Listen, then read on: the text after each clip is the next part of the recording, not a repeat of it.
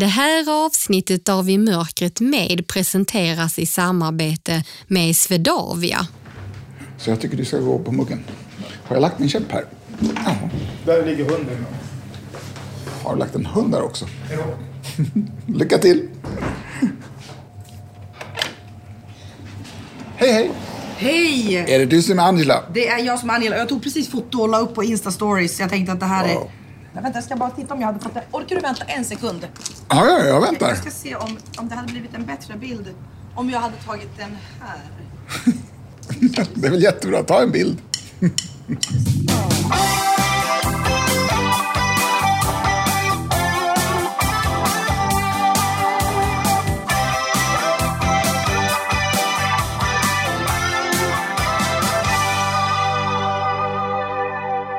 Välkommen till I mörkret med. Jag heter Anna Bergholtz. Först en god nyhet. Vi är stolta över att fler nu kan ta del av I mörkret med.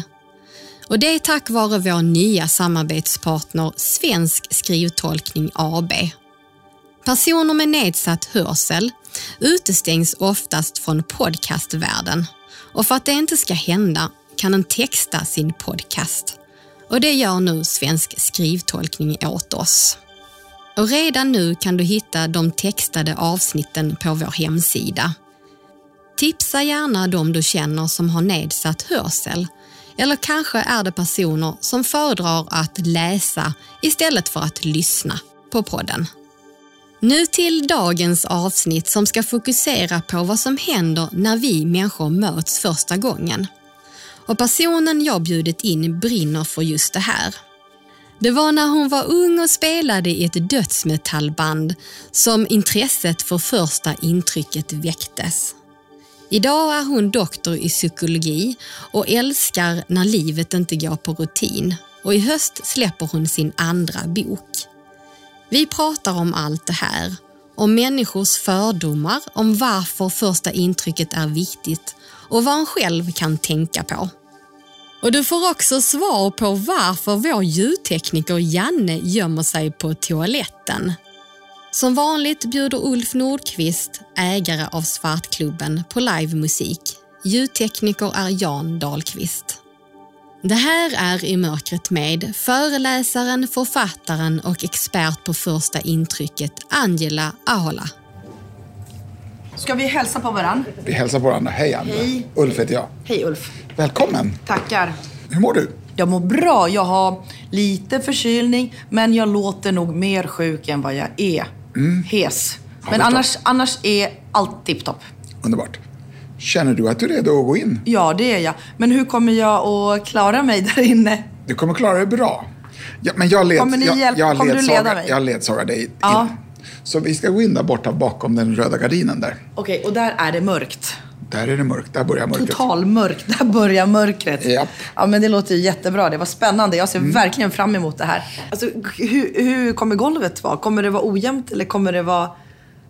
Nej, det kommer vara rakt. Okej. Platt, rakt. Inga sådana här snubbelprylar? Nej, vi har inget sånt kul på gång. Utan det får liksom... Åh, hjälp. Så här har vi först byggt en gång då, som är gången mellan baren och matsalen. Okej. Och den är som egentligen bara en, det svänger först och sen är det en rak gång. Ja, och det är helt mörkt kan jag väl faktiskt berätta utifrån mitt perspektiv här. Förmodligen från ditt också. Ja, same same. Ja, precis. Det är tur att vi är på samma, samma upplevelse av verkligheten faktiskt. Det är lite kul. Jag känner mig väldigt, jag känner mig lite rädd. Alltså, s- eh, inte rädd sådär rädd rädd, utan jag är lite bara eh, så att jag inte ska snubbla och så. Men jag litar på dig. Det- Jag har det- lagt mitt liv i dina händer. Ja, men det är bra, det är bra. Vet du vad, nu framför dig så står du och tittar rakt emot eh, eh, serveringsplatserna och det, på kvällarna när vi har öppet här så står vi ungefär här och spelar musik. Och det är Från helt positionen. Ja, det är som nu. Oh. Så, nu går vi upp och nattar. Ja, okej, vad bra att du säger det. Mm. Visst har jag en hund runt mina fötter? Kan det vara att hon följer efter? Ja, det är mysigt. Det tycker jag är mysigt. Det Ja. känns lite Vi får se hemtrevligt. hur länge hon vill följa med. mildrar den här rädslan. Ja. Av någon anledning så är jag rädd för att det ska dyka upp eh, trappor neråt hela tiden. Ja. Jag är helt liksom sådär, eh, jag tar små, små steg. Och jag är lite rädd för Mm. att... Eh, Har Hux flux så finns det inget golv kvar under mina fötter. Nu kan jag berätta att nu är ju då en hund väldigt nära sin matte. Hej Anna. Hej Anna! Du fick en, en ledarhund som smög efter dig in i mörkret. Ja, det, det var ju Och det, lustigt. det var- kändes som en väldigt väl, välvillig och vänlig hund. Ja. Om jag tar din hand där. Ja. Om du känner, där har du en stor rygg. Ja, perfekt. Så slår du ner på den. Då gör jag så. Här är jag. Hej! Hej, här får du en sån här handkram, Ja, Angela. nu har vi handkramat varann. Välkommen hit. Tack! Jag är så förväntansfull och det har ju redan börjat på ett så otroligt spännande vis. Jag tror att hon är kvar här inne. Ja, hon trivs. Kanti. Är, är, är, hon, är, är hon inte i vägen för dig Ulf när du ska spela lite sen? Nej, inte det minsta. Nej. Nej men eh, hon verkar trivas här i mörkret så... Ja, Ja. det är ju jättehärligt. Ja. Vad mysigt. Har eh, dina ögon hunnit vänja sig lite vid mörkret nu eller? Vad tycker du? Ja, det tycker jag. Det här, det är helt becksvart. Verkligen. Men det känns som att jag känner mig avslappnad. Jag har ögonen öppna. Jag hade nyss dem stängda. Men nu har jag dem öppna och det blir absolut ingen som helst skillnad. Du ska få börja med att berätta vem du är. Jag heter alltså Angela Ahola. Och eh, inte aloha som är hej på hawaiiska. men folk tenderar att förväxla de orden, eller mitt namn, med just det ordet. Men min familj kommer från Finland. Jag är född i Sverige, men vi pratar finska fortfarande. Och jag har pluggat psykologi många, många år. Jag disputerade 2010 och eh, jobbar idag som så kallad inspirationsföreläsare. Och så skriver jag på min andra bok. Privat så har jag två stycken flickor, två döttrar på åtta och tio. Jättehärliga tjejer som går i Sverigefinska skolan i Fridhemsplan. Så där finns det också en hel del att rodda med med läxor och fritidsaktiviteter och så. så det väl jag i ett nötskal. När skulle du säga att du trivs som fisken i vattnet? Jag trivs när det händer lite olika saker, när jag får lära mig nytt, jag, när livet inte går på slentrian och rutin. Jag är ingen 9 till 5 människa utan jag trivs som frilans, som entreprenör. Och jag trivs med att ena dagen vara i Malmö, nästa dag i Stockholm och resten av tiden så sitter jag hemma i mitt hemmakontor och skriver på boken. Och sen kommer barnen hem så är det sånt här familjepyssel och pusslande. Jag brukar säga utan att överdriva att jag, jag lever mitt drömliv. Jag gör faktiskt det. Ja, vad härligt. Ja, Men eh, du har ju skrivit en bok, ja. Konsten att göra intryck. Jajamän, Och håller på med din andra nu. exakt ja. Ja, vad är det för bok som du håller på med nu då? Det är en bok sprungen ur konsten att göra intryck konceptet, det här med intryck och hur vi människor läser av varann och vad det är som är viktigast för oss i våra relationer. För att vi ska få bra relationer. För det är det som har varit målet med den första boken med konsten att göra intryck. Att vad är det vi kan göra för att verkligen få till stånd de här riktigt bra relationerna? För att utan bra relationer så blir det svårt med samarbete. Det blir svårt med våran karriär och det blir svårt i familjelivet. Ja, spännande. Ja, tack. Eh, vi ska komma in mer på det här alldeles strax om första intrycket och allt det du har jobbat med. Ja. Eh, men du ska få en fråga till, tänkte Ja, jag. visst. Eh, om du skulle ha superkrafter och kunna göra vad som helst, vad skulle du göra då? Oj, det där var en väldigt spännande fråga. Om jag hade superkrafter, ja, då, blir det, då börjar man ju, knasig som man kanske är, fundera på ah, vilken sorts superkrafter. Men är det lite, det kunde vara vad som helst. Absolut, vad som helst. Ja, jag skulle göra så att eh, människor var snälla mot varann. Ja, det skulle jag fokusera på faktiskt. Att, vi, att människor var snällare mot varann och, och mer omtänksamma. Och gjorde saker för varann. Är inte folk det nu, tycker du? Eh, ja, men jag skulle vilja att, de, att man var ännu mer snälla mot varann. När vi blir stressade och, och har mycket att göra och, och kanske har det lite svårt ibland så, så blir det svårt med empatin. Den blir lidande och då, då blir vi lite enkelspåriga och lite mer åt det egoistiska hållet. Ja, så mer snällhet om du hade haft superkrafter. Ja, Eh, om vi backar tillbaks i tiden. ja. Eh, berätta om din uppväxt. Jag är uppvuxen i Nacka. Jag har gått i min skola där, i Vilans skola. Vi gick i finsk klass. Både jag och min syster Mariana. Och eh, det var mycket finnar som bodde där i, på Henkan, som det kallas, Henriksdalsringen. Och jag har haft en väldigt fri och positiv uppväxt i form av att jag har haft dels mina föräldrar. Vi bodde i en lägenhet där. Och eh, bara någon meter ifrån så bodde min mormor och morfar där. Som var en sorts extra föräldrar. Och eh, de har alltid funnits där och ställt upp. Så att jag har alltid haft den här tryggheten och, och känt att det finns alltid några vuxna som finns där som tar hand om oss barn och så. Det har varit eh, väldigt fint på många sätt. Hur var du i skolan? Lärarna minns jag berättade för mina föräldrar, för de har pratat och berättat om det nu när jag är vuxen. För jag, man glömmer ju en hel del grejer och man tänker inte på det. Så, så brukar mamma säga, ja men lärarna brukar alltid tycka att du var så entusiasmerande och, och även när det var lite tråkiga uppgifter och arbeten så fick du med de andra och fick dem på något sätt att tycka det var kul för att du var så intresserad och engagerad. Och det känns ju kul att höra det.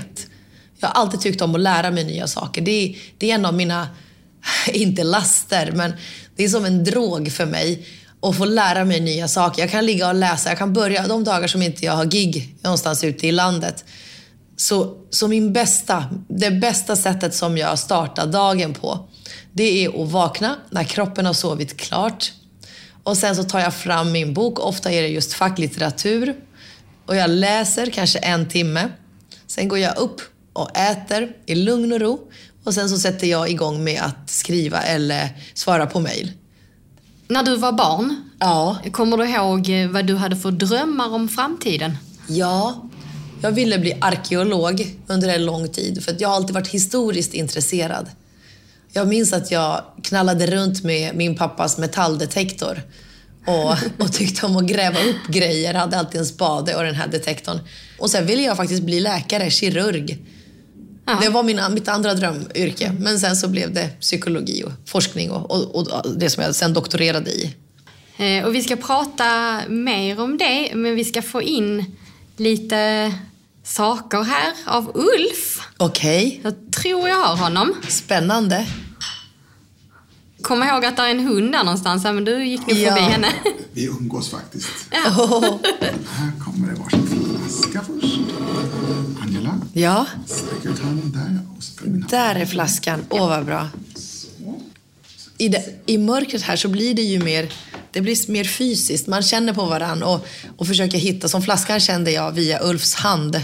Och där får du ett glas till flaskan. Ja, Ja. tackar. Bättre än så, här får du en öppnare. Åh, spännande. Anna får ett glas här. Tackar. Ska jag hälla upp? Är det meningen det? Ehm, Då kan jag säga som så att det är ju ingen som ser riktigt hur du gör. Nej. Om du dricker ur flaskan naturellt eller häller upp, det, det kommer ingen se. Men just i det här fallet, eftersom det är så tyst, så kommer, kommer vi ju höra vilket du gör. Ja, Eh, Så jag tycker att du ska hälla upp. ja.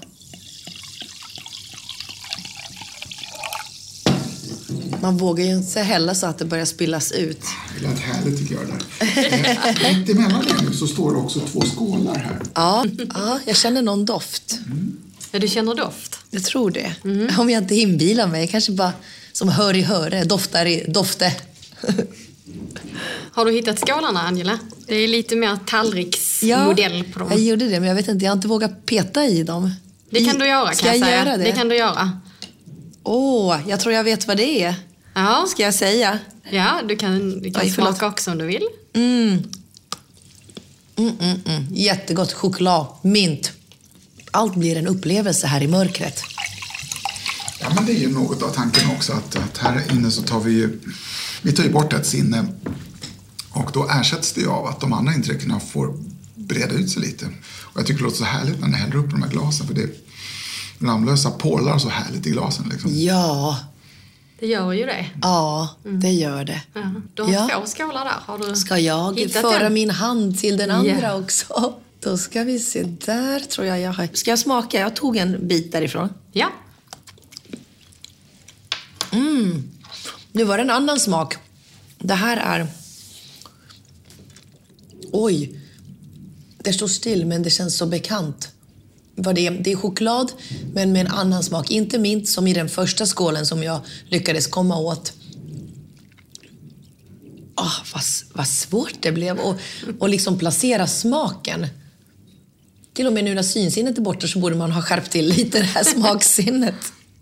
Det gäller att kunna slappna av för att och, och kunna släppa på det andra. Ja, precis. Just ja. Ja, vad kan det vara? Ska jag försöka gissa? Mm. Du kanske behöver hela skålen på dig. Jag kanske behöver hela skålen. Vem säger nej tack till choklad? Ja. Precis. Men fattans att det vart så klurigt. Är det ljus eller mörk choklad, tror du? Det där är nog ljus choklad och det första tror jag är, det var mörk med det här mintkrisp-smaken eller mintkrisp i. Det stämmer. Vad skönt att höra, mm. så jag hade ett rätt av yes. två. Det känns som ljust. Och eh, sen finns det någon, jag tänkte säga någon grönsak, men grönsak. Är det... Jag väntar lite för jag tror att du kommer att gissa. ja, vad, vad du, vad uppmuntrande och att ja. du tror det. Jag tror på dig, Angela. Tack snälla, Anna. Men jag kan i alla fall hjälpa dig så mycket som att det är vit choklad. Ja, det är vit! Mm. Men det är ju någonting i också. Ja, för vet du, av no jag, jag hade kopplat bort vit. Så jag kände lite att det inte känns inte helt som mjölkchoklad. Men jag, jag visste att det inte är mörkt i alla fall. Mm. Vad tror du är i den då? Mm, vad skulle det kunna vara? Det kommer säkert kännas som nej, hur, hur kunde jag inte fatta det? Du vet, när, när det väl uppdagas. Nu måste nästan jag smaka också för att här sitter jag och tycker att det verkar lätt kanske. Men nu fick jag min. Fel skala. Men det är bra, då, får du, då behöver du ta flera bitar. Mm. Nu tar jag en bit av den andra. Mm.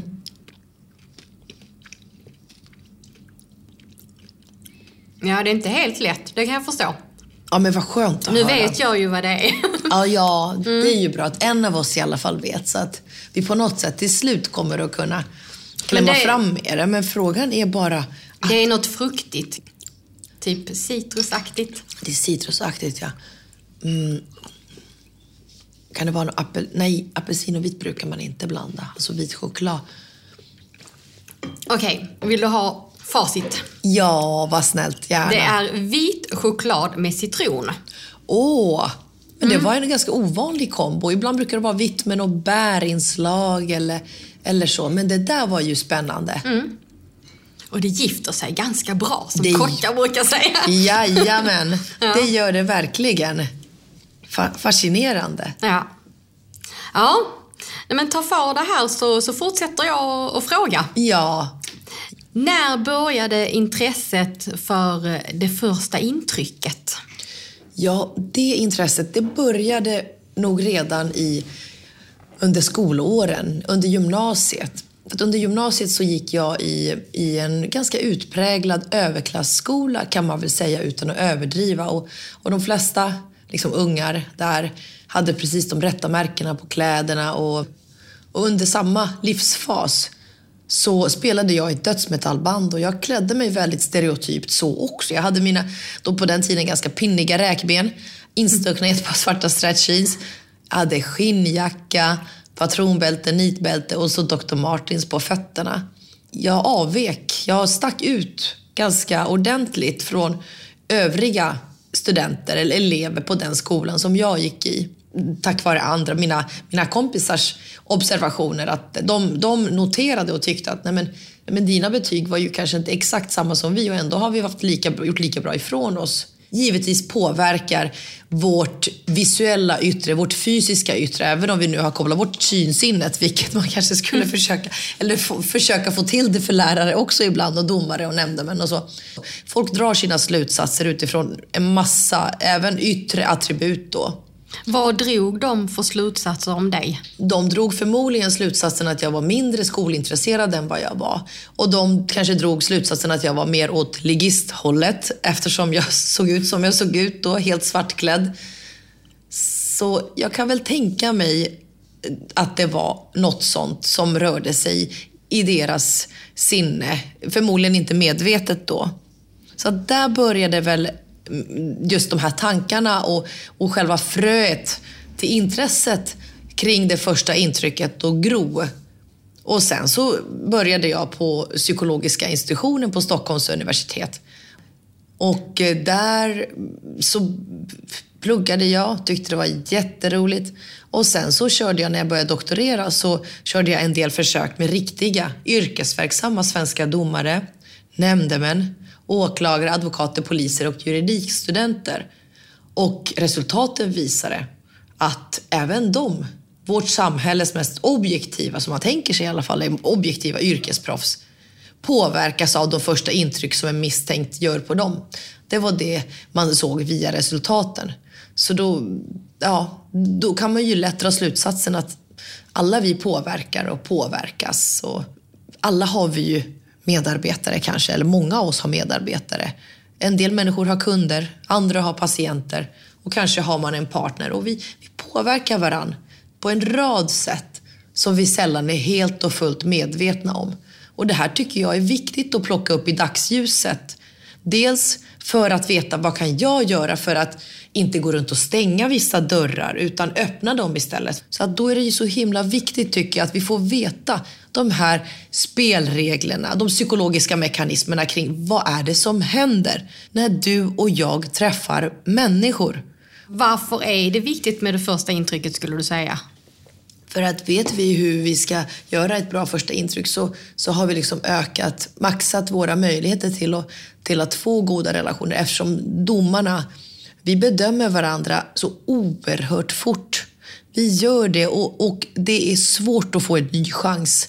Det låter klyschigt, jag vet, men det, det bara är så. Det, det är så det funkar. För att det hänger ihop med att jag var, jag var tvungen att vara snabb på att läsa av vem är vän, vem är fiende. Är denna människa ett hot? Behöver jag fly? Eller är det en potentiell vän? Eller kanske en potentiell partner?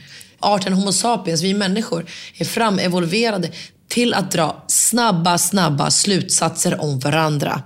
Men vad är det som påverkar då vid ett första möte? Ja, det som påverkar är att eh, det finns ett lite knasigt psykologiskt begrepp som kallas för thin slices of behavior. Och det betyder egentligen att oavsett vad än är för information vi har till hands om varandra så kommer jag ta och använda den informationen till att dra slutsatser om den andra och brodera ut och generalisera till människans hela personlighet. Jag kanske bara har ett kort möte, jättekort möte, ett kort handslag. Då blir det mitt beslutsunderlag. Det Handslaget? Som, ja, och eh, dessutom, så om jag ser en profilbild av personen på sociala medier, då blir det den profilbilden som jag drar mina slutsatser kring. För att en viktig ytterligare aspekt av det, det är också att vi inte bara lär oss hur jag kan agera och göra för att få liksom mer chanser och så. Utan att vi samtidigt inser att vi är snabba med bedömningarna. Vi är snabba med att fälla domarna. Vi är fördomsfulla därför att det har gynnat vår överlevnad historiskt. När vi inser det här, när vi vet att det är så här vi funkar, då kan vi bli mindre stereotypa i våra bedömningar av varandra och mindre stereotypiserande.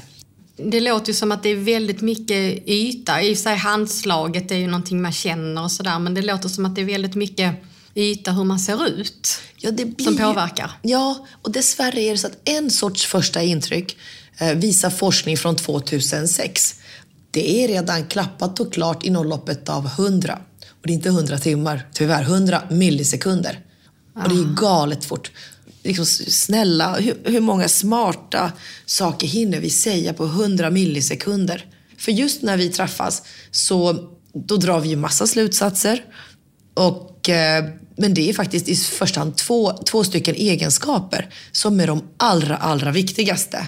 Den första frågan som andra ställer sig om oss när de träffar oss, det är kan jag lita på dig? Det är steget, det är grunden, det är det viktigaste. God eller ond, vän eller fiende. Är du välvillig eller är du illvillig? Det måste vi först veta. Den tredje frågan då, eller den andra, andra klustret, det är vad är din kapacitet? Vilken är, liksom, är du högkompetent, lågkompetent? Är du, vilken är din status, dominans? Vi håller konstant på att placera varandra i olika hierarkier. Liksom, vi måste först veta Schysst eller ej schysst? Och sen, vad är då din kapacitet att fullfölja dina välvilliga eller illvilliga intentioner? Jag tycker det är jättekul med kläder, vilket en del tycker är konstigt när man inte ser. Eh, vad skulle du säga om just kläder vid första intrycket? Kläder är väldigt viktiga och just med tanke på det här 100 millisekunder. Det är ju inte mycket vi hinner säga inom den tidsramen. Och eh, vad gäller kläder, det är ju ett oerhört, oerhört kraftfull kommunikationskanal. Vi ska aldrig sticka under stol med det. Men ibland tänker man, eller kan jag få fråga, men hur ska jag klä mig? Då skulle jag vilja ställa till att början en motfråga. Vad är situationen? Vilket sammanhang pratar vi? Okej, är det en anställningsintervju? Vilken är klädkoden dit du ska? Hur klär sig de andra? Och det handlar inte om manipulation. Det här med intryck, det är så långt ifrån manipulation och att försöka lura sig fram till att få som man vill. Utan det handlar om att skapa rätt förutsättningar för att få goda relationer. Att bli den bästa versionen av mig själv. Mm. Och det om något är väl framgång. Och visst är det väl så också att eh, beroende på vad jag tar på mig och hur jag känner mig i mina kläder desto bättre kanske jag presterar också, eller? Absolut, så funkar vi. Mm. Det påverkar inåt. Om jag ler, den här gamla penntricket, man ska stoppa en penna mellan tänderna och tvinga sig till ett leende. Ja, men då blir jag lite gladare. Samma sak med kläder. Jag väljer vilka kläder jag tar på mig, men de här kläderna kommer ju banne mig också påverka hur jag känner mig. Så det är inte bara andras perception av mig som påverkas av kläderna, utan även min egen perception av min egen personlighet, min egen självbild påverkas.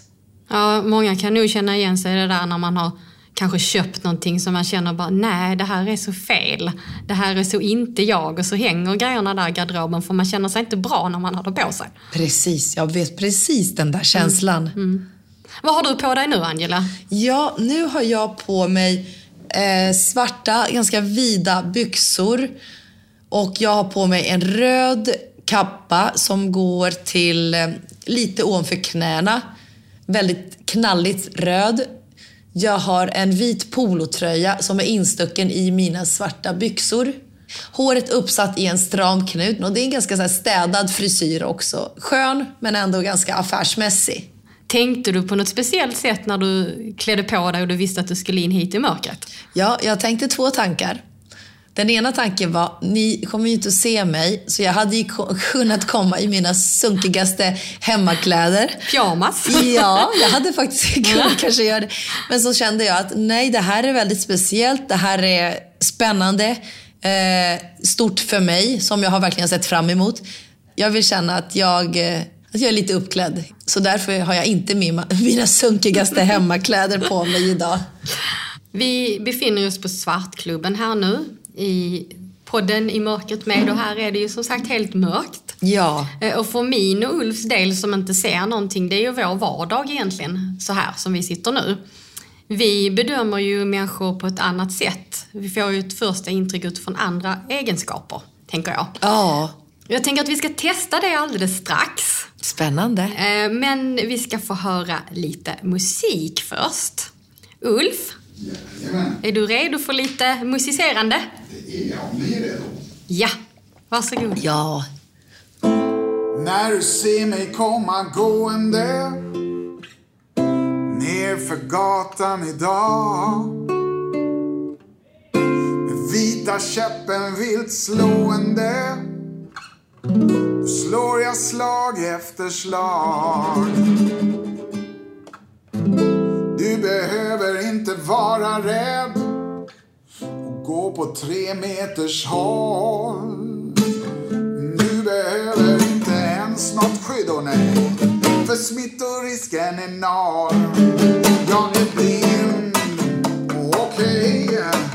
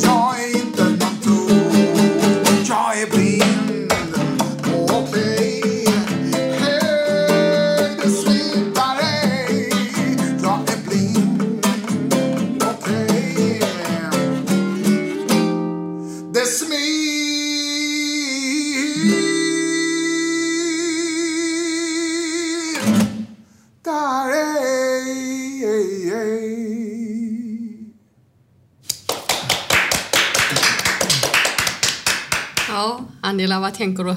Ja, om vi ska knyta an till intryck och, och perception så den här låten är ju klockren. Just det här med att människor är fördomsfulla, man drar orättvisa slutsatser om varandra, man drar dem snabbt och man förändrar dem ogärna dessutom, visar forskningen. Vad säger du, Ulf? Hur brukar du uppleva alltså första intrycket från folk utifrån? Alltså deras upplevelse av dig, första intrycket.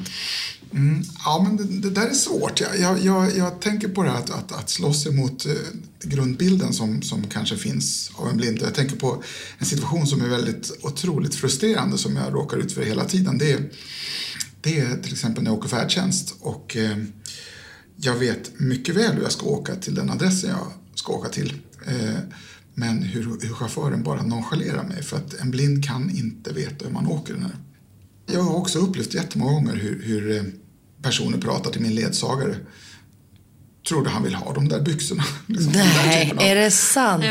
Den, den typen av frågor får man och det, är, ju- Herregud. det är ju jättekonstigt egentligen. Och nu har jag ju ledsagare som jag känner och så de brukar ofta säga det får du fråga honom själv. Så att det, det, liksom det, det rättas ju upp direkt. Men, men det, det är ändå... Jag tror att det finns det här eh, priset, om du, vad sa du, 100 millisekunder. Ja, Det, det är ju rätt fort, man ser en vit käpp och så var det klart. ja. Men jag tänker du som kan psykologin kring det. Varför tror du att exempelvis en människa pratar med ledsagaren istället för Mulf då? Ja, det är ju ett otroligt beklagligt fenomen. Men det skulle kunna förklaras med eh, något som inom psykologin kallas för halo-effekten eller halo-effekten. Och den innebär i, i korthet att, att inom oss och väldigt på ett stereotypt vis så, så låter vi en egenskap hos en människa även spilla över på andra egenskaper. Och i det här fallet blir det ju så att synnedsättningen då får oss att dra slutsatser om även andra egenskaper som då kanske inte skulle fungera på samma sätt som hos, hos andra människor då kanske generellt sett. Men känner vi till de här mekanismerna då har vi ju en chans att ta kontrollen över dem också. Är det det som kan göra liksom att eh, folk eh, alltså får fördomar, alltså tänker Eh, som rasism och funkofobi och homofobi? Att nu... Ja, jag, jag skulle vilja förklara det dels med det, men också dels med in-group, out-group-fenomenet. Att det finns ett, eh, också ett fenomen inom psykologin som kallas för spegling. Och, eh, alltså vi människor vi gillar folk som är lika oss själva. Och så är vi lite misstänksamma mot människor som inte är som oss. Och eh, jag menar, vi är födda som sociala imitatörer. Har man provat att sträcka ut tungan till en sex månaders bebis, då vet man vad bebisen gör. Per automatik så skiftar vi våra kroppsposition, gester, eh, mimik. Men dialekten till exempel, oavsett om vi är seende eller inte seende, så börjar vi lätt imitera varandras sätt att prata på. Och upptäcker vi att vi tycker om liknande saker, vi ägnar oss åt liknande aktiviteter eller har åsikter som liksom överlappar, då gillar vi varandra mer. Det här hjälpbeteendet som man kan uppleva för en annan människa, att man, man gärna hjälper någon, det ökar om vi upplever att vi är lite lika. Men det är ju så tråkigt att alla ska vara likadana. Ja, men visst är det. Och liksom arbetsplatser som blir homogena för att man rekryterar folk som är precis som jag själv är. Det är ju fruktansvärt trist. Och hur det, ska man göra för att eh, man ska eh, ta tillvara på mångfalden och inte bli rädd för det? det är att veta att så här funkar vi. Jag styrs mot människor som är lika mig själv. Träffar vi en person som inte är som jag, jag är seende och så träffar jag en icke seende människa. Ja, men då behöver jag hitta, kanske jag behöver ställa vissa frågor. Och sen upptäcker jag, nej men jag och den här människan som jag kanske först upplevde att vi, vi är lite olika på något sätt. Jag menar, vi är olika med alla människor, men vi har alltid mer, mer som förenar oss människor emellan än det som gör oss olika varann. Så du menar att eh, det är oftast mer som förenar oss även... eh, alltså Även om det till synes i början verkar vara något som inte förenar oss så är det alltid, men vi behöver vara aktiva. Vi får inte stirra, vi får inte fastna vid det som inte förenar oss. För sen när vi har funnit det som förenar oss, då minsann, då får vi möjlighet att på riktigt få en relation. Jag tänker för det, Det är ju ganska orättvist att eh, en del eh, saker påverkar i ett första möte. Alltså som till exempel när jag och Ulf går in i ett rum så har vi ju en vit käpp då. Eh, det är ju inget som vi kan ta bort. Nej. Vi behöver ju den där vita käppen och jag tänker en, en hudfärg annan än vit påverkar ju säkert också. Alltså hur, hur ska man tänka när man är den personen som kanske sticker ut och bryter normen?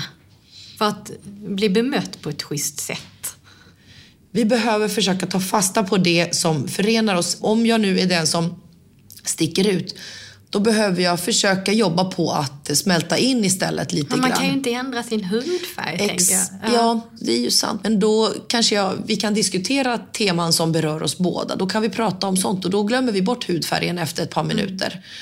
Med kläder kanske jag kan signalera att jag visst smälter in, att vi visst spelar på samma planhalva istället för att det blir du och jag, vi och dem. Att det blir ett vi av det hela. Där behöver vi båda aktivt jobba och göra lite. Och det här är initialt. När vi har kommit över den här initiala känslan av främlingskap eller att vi är olika.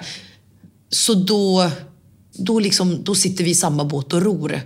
Eh, För mig Ulf är det ju mycket så att eh, vi eh, vid ett första möte bedömer ju människor utifrån andra egenskaper och intryck och så. Och jag, vi tänkte testa lite nu hur det kan vara på dig Angela. Ja. Så att du ska alldeles strax få möta en person här i mörkret. Så du har ju då samma förutsättningar som vi har då från början när du möter den här personen. Spännande. Ska vi se lite hur eh, du tänker? Ja. Ja, Det här känns jätteroligt. ja spännande. Liksom jag får möta en människa utan att se människan. Och du har förhoppningsvis aldrig sett den här människan Nej. förut. Det vet vi ju inte i Ja. och för sig. Vi antar det nu. Nu ska jag ge lite plats vid min mikrofon här. Ja. Så. Goddagens. God dag, god dag. God dag. Hej. Du får, ni får prata, du får Ja, god dag. fråga. God dag, god dag. Vad trevligt. Ja, jättekul. Ja, jag hör ju din röst. Och jag, men jag har inte känt din hand, jag, vi har inte skakat hand. Nej. Jag har inte känt om du har en varm eller kall hand, om den är torr eller om du har ett fast eller ett mjukare handslag. För utifrån det hade jag dragit ett antal slutsatser kring både värme och kompetens. Nu hör jag att du är en man. Vi kan hälsa om vi... Ja, hur ska vi, utan att välla, jag häller de här, jag Ja, har, det. min hand är här.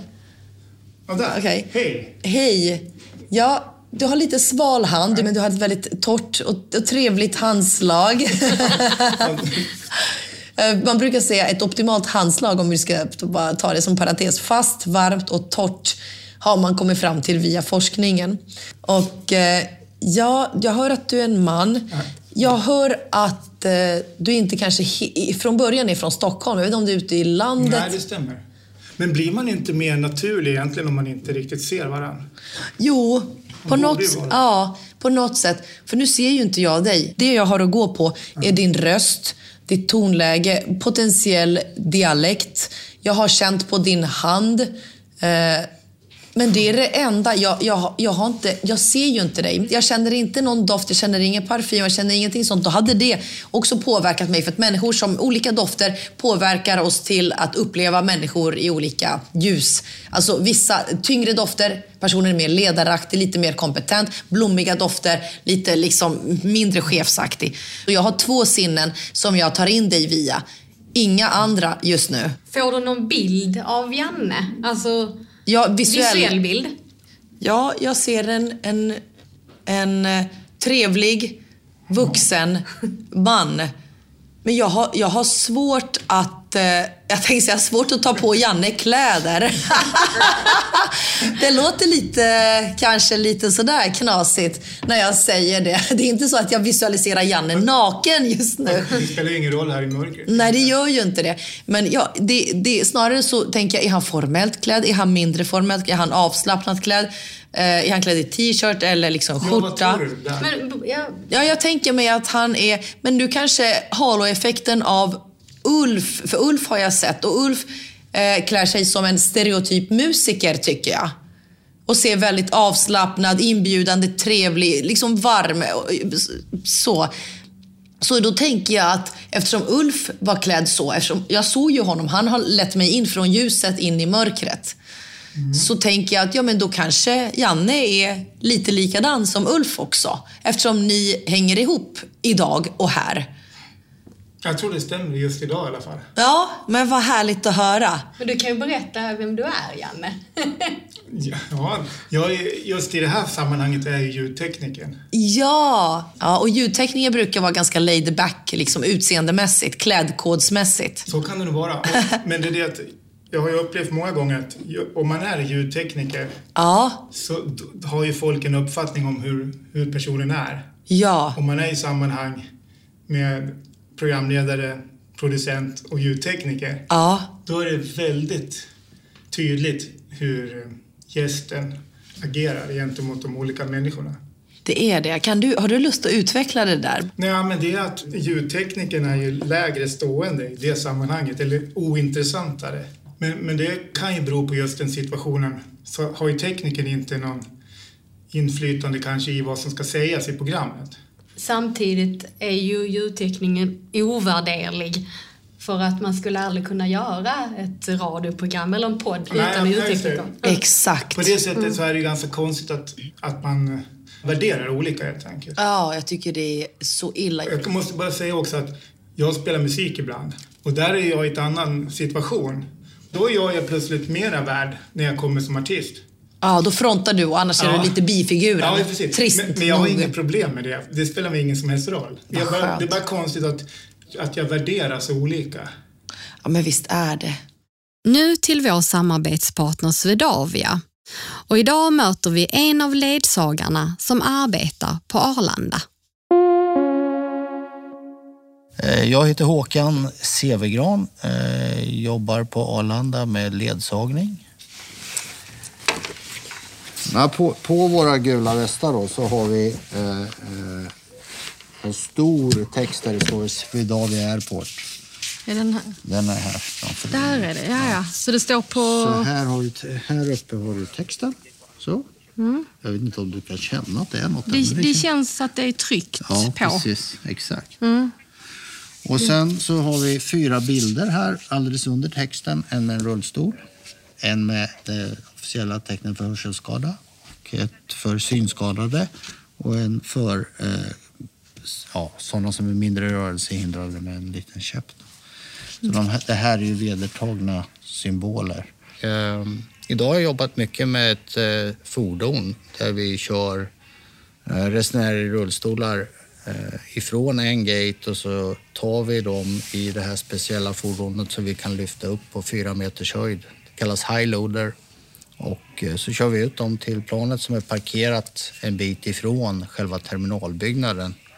Och så lyfter vi upp resenären mot flygplansdörren och därifrån så rullar vi in dem på en eh, specialbyggd rullstol till sin sittplats.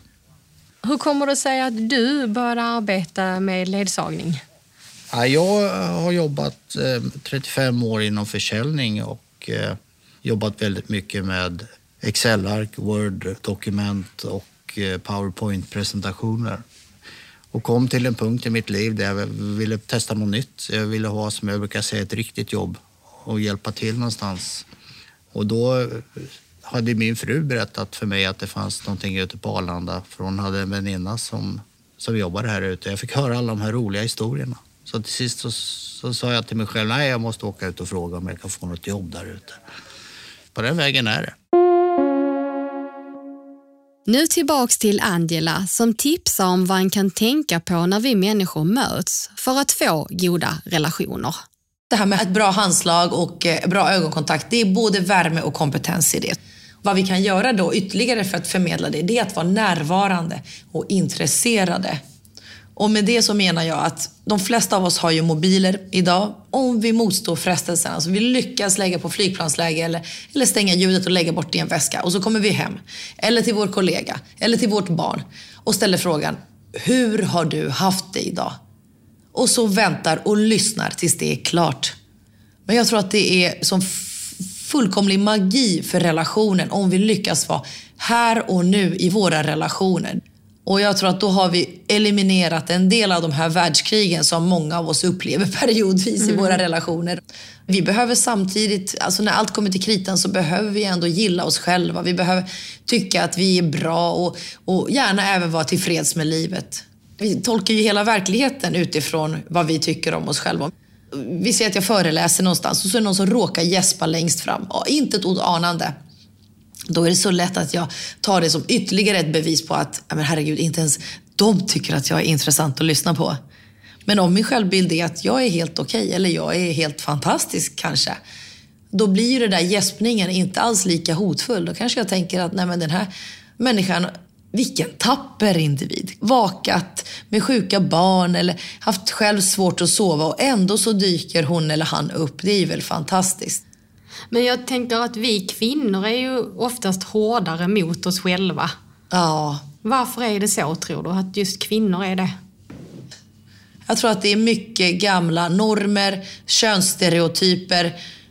Och det, det där får vi bara lägga av med. Nu låter jag lite hård, men jag tänker och tycker verkligen det. Det, det får vi jobba bort. Kan man träna bort det? Ja, det tror jag. Min självbild har inte alltid varit jättebra. Jag har inte alltid haft samma självförtroende.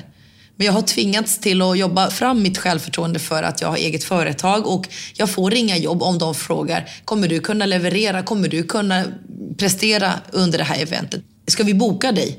Om jag säger nej, jag är lite tveksam för jag är rätt värdelös egentligen. Mm. Det blir inga jobb och blir det inga jobb så kommer inte jag, så blir det till att sova under Västerbron i januari med mina ungar. Mm. Just det, så ja. med kniven på strupen så har ja. jag väl själv tvingats jobba upp min självbild och så behöver alla människor göra. Men mår vi bra gillar jag mig själv, då är jag härlig att umgås med. Mm. Så vi behöver alla bli härliga att umgås med genom att vi tycker att vi är bra. Vi ska börja avrunda och du ska få lite snabbfrågor nu ja, av mig. Ja. Mm. Är du beredd? Ja då. Te eller kaffe? Te. Chips eller smågodis? Chips. Teater eller konsert? Och nu vart det lite svårare. Kanske ändå konsert. Och jag brukar bli väldigt berörd. Jag gråter lätt, jag blir emotionell och tycker något kan vara vackert så kan jag fälla en tår. Så jag blir nog ofta mer berörd av musik än av teater, men jag älskar båda två. Hemmakväll eller utekväll? Jag är ju hemma de flesta kvällarna och myser och vi har det trevligt med ungarna. Men jag skulle nog i det här fallet välja utekväll för det sker fortfarande mycket mer sällan. Så jag skulle tacka ja till utekväll. Ja. Mm. Lyssna på musik eller musicera själv? Lyssna på musik. Även om du har hållit på med musik själv också? Ja, för det var länge sedan. Jag har ett piano, det är för ostämt. Så det är det jag tänker. Skulle jag spela på det, det skulle inte låta bra. Eh, stuga på landet eller globetrotter, alltså resa runt? Eh, stuga. Jag är eh, sådär hemmamänniska och jag, jag älskar att bara ta det lugnt och, och stuffa runt i i stugkläder och värma, nej inte värma bastun. Jag älskar att basta men jag hoppas att någon annan värmer bastun. Men om ingen annan värmer så värmer jag det. Men du vet, myspysa på landet. På Åland eller i Finland. Det är min grej. TV-program, Idol eller Debatt? Idol. Det var snabbt svarat också. Ja, för att den här debatten blir aldrig en mysig stund med familjen. Men Idol, då har vi dukat upp något gott, vi har förmodligen ätit en trevlig middag och barnen är laddade och jätteglada och upprymda. Kött eller vegetariskt? Vegetariskt, jag är vegetarian. Nu knorrar min hund här bakom. Hungrig ja. hund kanske nu när vi pratar om mat. Precis. Eh, umgås med barn eller vuxna? Jag, jag, tycker det är så härligt när vuxna och barn liksom hänger tillsammans. Mina barn är ju 8 och 10, två tjejer. Och eh, vi har ibland sammankomster i porten, sådana väldigt trevliga Ibland på fredagarna. Det är en granne till mig som heter Mattias som har eh, myntat uttrycket portpizza. Så varannan fredag så ses vi hos någon av oss, en rullande schema. Och då är det vuxna och barn ihop. Och vi käkar pizza och eh, barnen leker och vi vuxna sitter och umgås. Dricker te eller ett glas vin. Och det är en jättehärlig känsla. Det låter härligt. ja. ja. Möta nya människor eller gamla vännerna? Jag kanske får säga, för jag träffar så mycket nya människor och jag trivs väldigt bra med det. Men då kanske jag får säga, eftersom det är lite mer unikt och lite mer sällan eh, som det sker att jag träffar gamla kompisar, då säger jag de gamla polarna. Ja, för jag tänker just när det kommer till första intrycket, när man hela tiden möter nya människor, då måste man ju hela tiden tänka på det också på något vis. Ja, det tar mer emotionell och kognitiv energi att träffa nya människor. Att umgås med gamla, de har ju redan köpt mig, de har ju redan accepterat mig. De vet mina dåliga sidor, de vet mina goda sidor. Och samma sak med familjen. Du sa tidigare att det är svårt att få en andra chans. Ja, Kan man få en andra chans? Det kan man, men det kräver en del mer arbete än att göra, vi säger citat, rätt från början. Och då får vi kanske likna det vid ett vattenglas med rent och klart vatten. Och eh, om vi nu skulle, det är det positiva intrycket, det är ett bra första intryck, då är vattnet klart. Men om, eh, om vi droppar i lite svart bläck i glaset, och då blir ju vattnet alldeles svart eller gråfärgat och, och bläckigt. Ja, enda sättet att få det lite klarare det är att späda ut vattnet genom ett antal nya positiva interaktioner. Och då menar jag man kanske får ringa personen i fråga och säga du, jag hade sovit så dåligt, jag kände mig så ofokuserad. Förlåt om jag liksom kändes frånvarande. Jag, jag var inte riktigt mig själv och jag, jag ber verkligen om ursäkt. Skulle jag kunna få bjuda dig på en lunch? Och efter ett antal sådana här positiva interaktioner då kanske den andra kan få till stånd ett så kallat first impression update. Att verifiera sitt då mindre önskvärda första intryck av mig och, och inse och tycka att nej men Angela var kanske inte så pjåkig som jag initialt tyckte att hon var. First impression update, ja, det gillar jag. Ja, skönt att det finns lite hopp. Eller ja, hur? verkligen. Och vi kommer ju få snabbfrågorna här, men du ska få en sista sån nu. Ja, Laga mat eller äta mat? Laga mat om det är med en familjemedlem eller någon man tycker om. Men annars så är inte jag riktigt sådär jättehuslig av mig. Så jag tycker väl kanske mer om att eh, få sitta och bara äta färdiglagad mat. Rent krasst. Jag är precis likadan. Skönt att höra. Då är vi två åtminstone. Nu ska jag flytta lite på flaskor och tallrikar här för att du ska få skriva en liten eh, signatur i, i Mörkret Meds gästbok. Ja. Och jag ska guida det här lite. Ja. Hittade du pennan? Ja, det gjorde du va? Jag Det är en, det är en kapsyl. Nej, men jag har inte gett dig pennan. Nej, det är ingen... där är Där den. Och så känner du, där är ett litet sidenband och så på denna sidan här, om jag Ja. tar din hand, känner du där? Ja. Och du kan själv välja om du vill skriva på eh, Upp eller ner snedden eller ner. Ja, precis. Ja, Men det är på den sidan. Men då skriver jag lite halvsnett för då får jag mer utrymme. Nu har jag skrivit, min signatur är ganska enkel. Men nu skrev jag liksom för och efternamn, men det blir nästan två stora an bara. Ja. Kan jag skriva under Angela som jag brukar skriva när jag skriver Skriv, i som, boken? skriv som du vill. Ja, men då är jag lite vild och galen nu, skriver det också. Så, nu har jag gjort det. Hur känns det nu när vi har suttit här? Det känns bra, jag känner mig harmonisk, jag känner mig lugn, jag känner mig nöjd och jag känner att jag har gjort någonting nytt i livet. Och när jag gör nya saker så brukar jag må bra och då blir jag glad. Härligt. Tusen, tusen tack för att du kom hit till I mörkret med och till Svartklubben. Tack till dig, det här har varit jätteroligt. En väldigt speciell upplevelse. Tack snälla. Tack för att du lyssnat. Och vill du veta mer om Angela och hennes arbete har hon en hemsida, angelaahola.com. Hör gärna av dig till oss. Vi har e-post hej imokretmed.se och följ och gilla oss gärna på Facebook. Vi hörs igen om två veckor.